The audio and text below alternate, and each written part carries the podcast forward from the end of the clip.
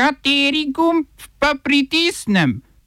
Tisti, na katerem piše OF.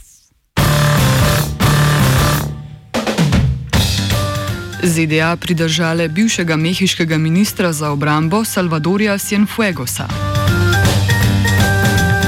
Belorusija razpisala tiralico za Svetlano Tihanovsko. Državni zbor izrazil podporo kandidatu za ministra za kmetijstvo Jožetu Podgoršku.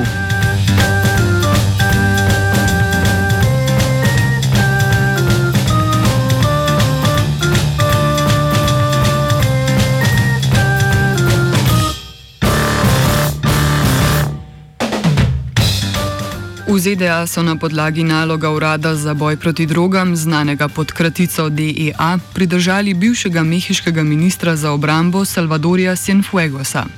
Po neuradnih informacijah naj bi mu očitali upletenost v prekupčevanje z drogami in pranje denarja.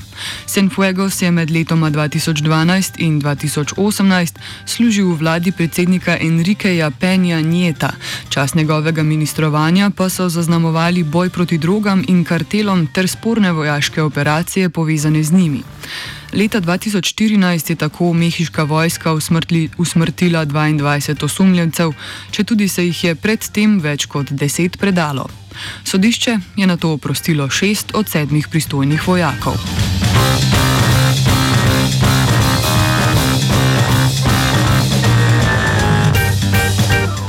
Potem, ko je ameriški predsednik Donald Trump zavrnil sodelovanje v debati s protikandidatom Joejem Bidenom, je usporedno potekal prenos odgovorov obeh kandidatov na vprašanja publike iz občinskih stavb v Miamiju in Filadelfiji. Tokrat je Trumpu uspelo obsoditi belska suprematistična gibanja, zataknilo pa se mu je pri teoriji zarote QAnon. Njegove podpornike je namreč označil za velike nasprotnike pedofilije, med katere se prišteva tudi sam.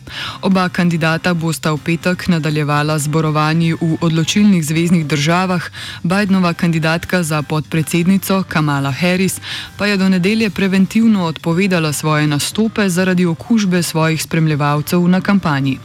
Trump med drugim stavi na podporo izraelskih američanov, oglaševati pa je pričel tudi v Izraelu, kjer so se v prestolnici Tel Aviv čez noč pojavili minibusi z napisi You have to thank Trump ali Zahvalite se Trumpu.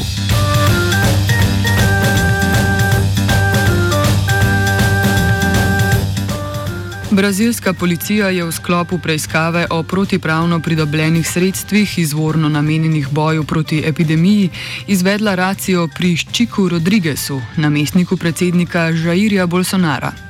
O izredno temeljitem postopku policistov priča dejstvo, da so Rodriguezu 30 tisoč realov ali približno 4500 evrov dobesedno potegnili izriti.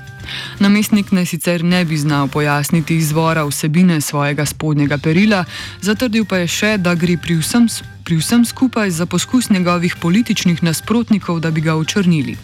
Sam naj bi namreč živel spoštovanja vredno življenje, njegova preteklost pa naj bi bila čista.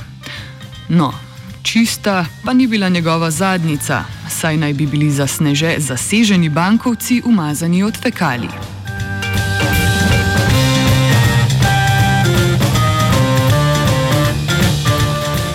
Nemški upravitelj vodovodov VSE je zaprl pipe na gradbišču tovarne Gigafactory Grundheide, ameriškega proizvajalca avtomobilov Tesla. Podjetje naj namreč ne bi plačalo računov, zatrdili pa so, da bo voda pritekla takoj, ko bodo obveznosti poravnane. Gigafactory Grundheide je sicer prva Teslina tovarna v Evropi, ustanovitelj podjetja Elon Musk pa računa, da bo zaposlovala 12 tisoč ljudi in proizvedla pol milijona električnih, električnih vozil na leto. Nekateri prebivalci okoliških naselij gradni niso naklonjeni, saj jih skrbi, da bo obrat še dodatno pripomogel k pomankanju pitne vode in onesnaževanju podtalnice.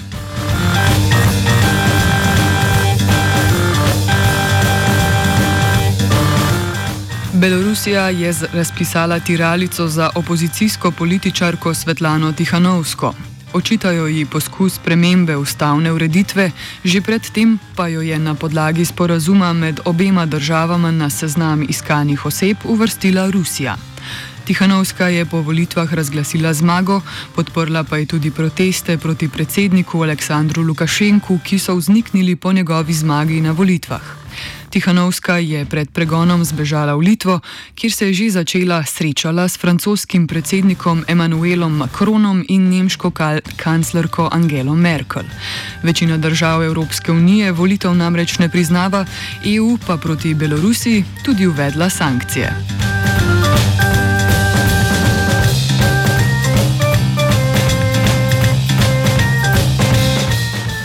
Rusija umika sodelovanje pri preiskavi strmoglavljanja letala MH17 nad Ukrajino leta 2014. Kot razlog je rusko zunanje ministrstvo navedlo sovražno naravnost, nizozem, naravnanost nizozemske, ki je poleg Avstralije in Rusije ena izmed treh držav, ki sodelujejo v preiskavi. Letalo družbe Malaysian Airlines je bilo sestreljeno nad območjem, ki so ga nadzirali proruski separatisti, večina potnikov pa je bila So. Oba, če, če bom odgovoril na angliški. Slovenija bo poskušala pomagati. Slovenija bo naredila naš utmost, da bo rekla, da je situacija naš problem, sami. In bomo naredili nadaljnje korake, as soon as the conditions are. Bomo vlado Marjana Cererera Šarca podprli. Very, very serious news from Slovenija. We know how and we will. Državni zbor je potrdil predlog pet, petega protikoronskega svežnja, ki podaljšuje nekatere že sprejete ukrepe, nekaj pa je tudi novih. Država bo tako še naprej subvencionirala, subvencionirala čakanje na delo, do konca leta pa je predviden tudi temeljni mesečni dohodek v višini 1100 evrov za samozaposlene, družbenike, ki so poslovodne osebe in kmete. Slovenski proračun bo domovom za upokojence kriv stroške povezane z obladovanjem epidemije, tako da bodo oskrbnine ostale enake. Odsotnost dela zaradi bolezni bo brez zdravniškega potrdila sedaj možna za največ tri dni, uvedeno pa bo tudi brezplačno prostovoljno cepljenje proti sezonski gripi za vse državljane. Več o tem v današnjem kultivatorju ob 17.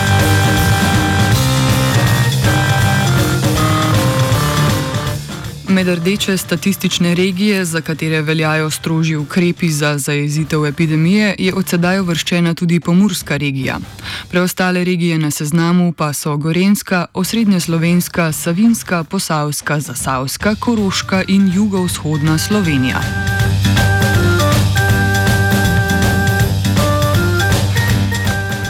Vrak je vzel šalo tudi slovenski rimokatoliški cerkvi. Ljubljanski načkov metropolit Stanislav Zore, ki se je na današnji novinarski konferenci pridružil korona Kacotu, je sporočil, da ob letošnjem dnevu mrtvih ne bo javnih molitev na pokopališčih. Zavrnil je možnost maš nadaljavo, po spletu pa bo vendarle potekal verouk v rdečih regijah za otroke od šestega razreda osnovne šole naprej. Še vedno pa bodo v živo potekale spovedi, če bo pri tem možno vzpostaviti ustrezne varnostne ukrepe.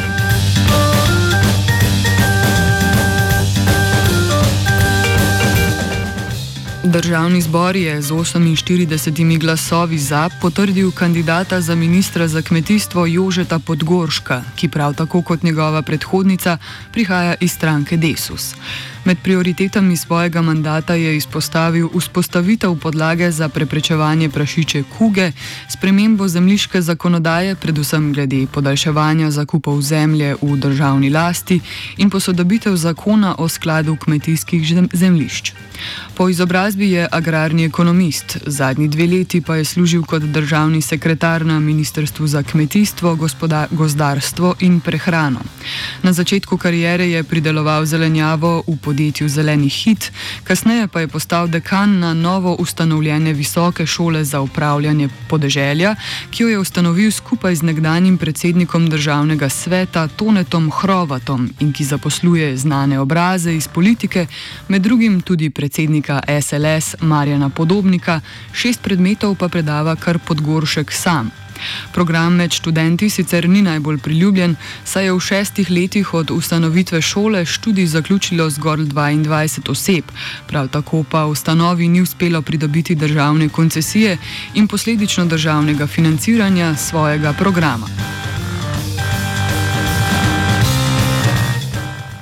OF je pripravil Svetina.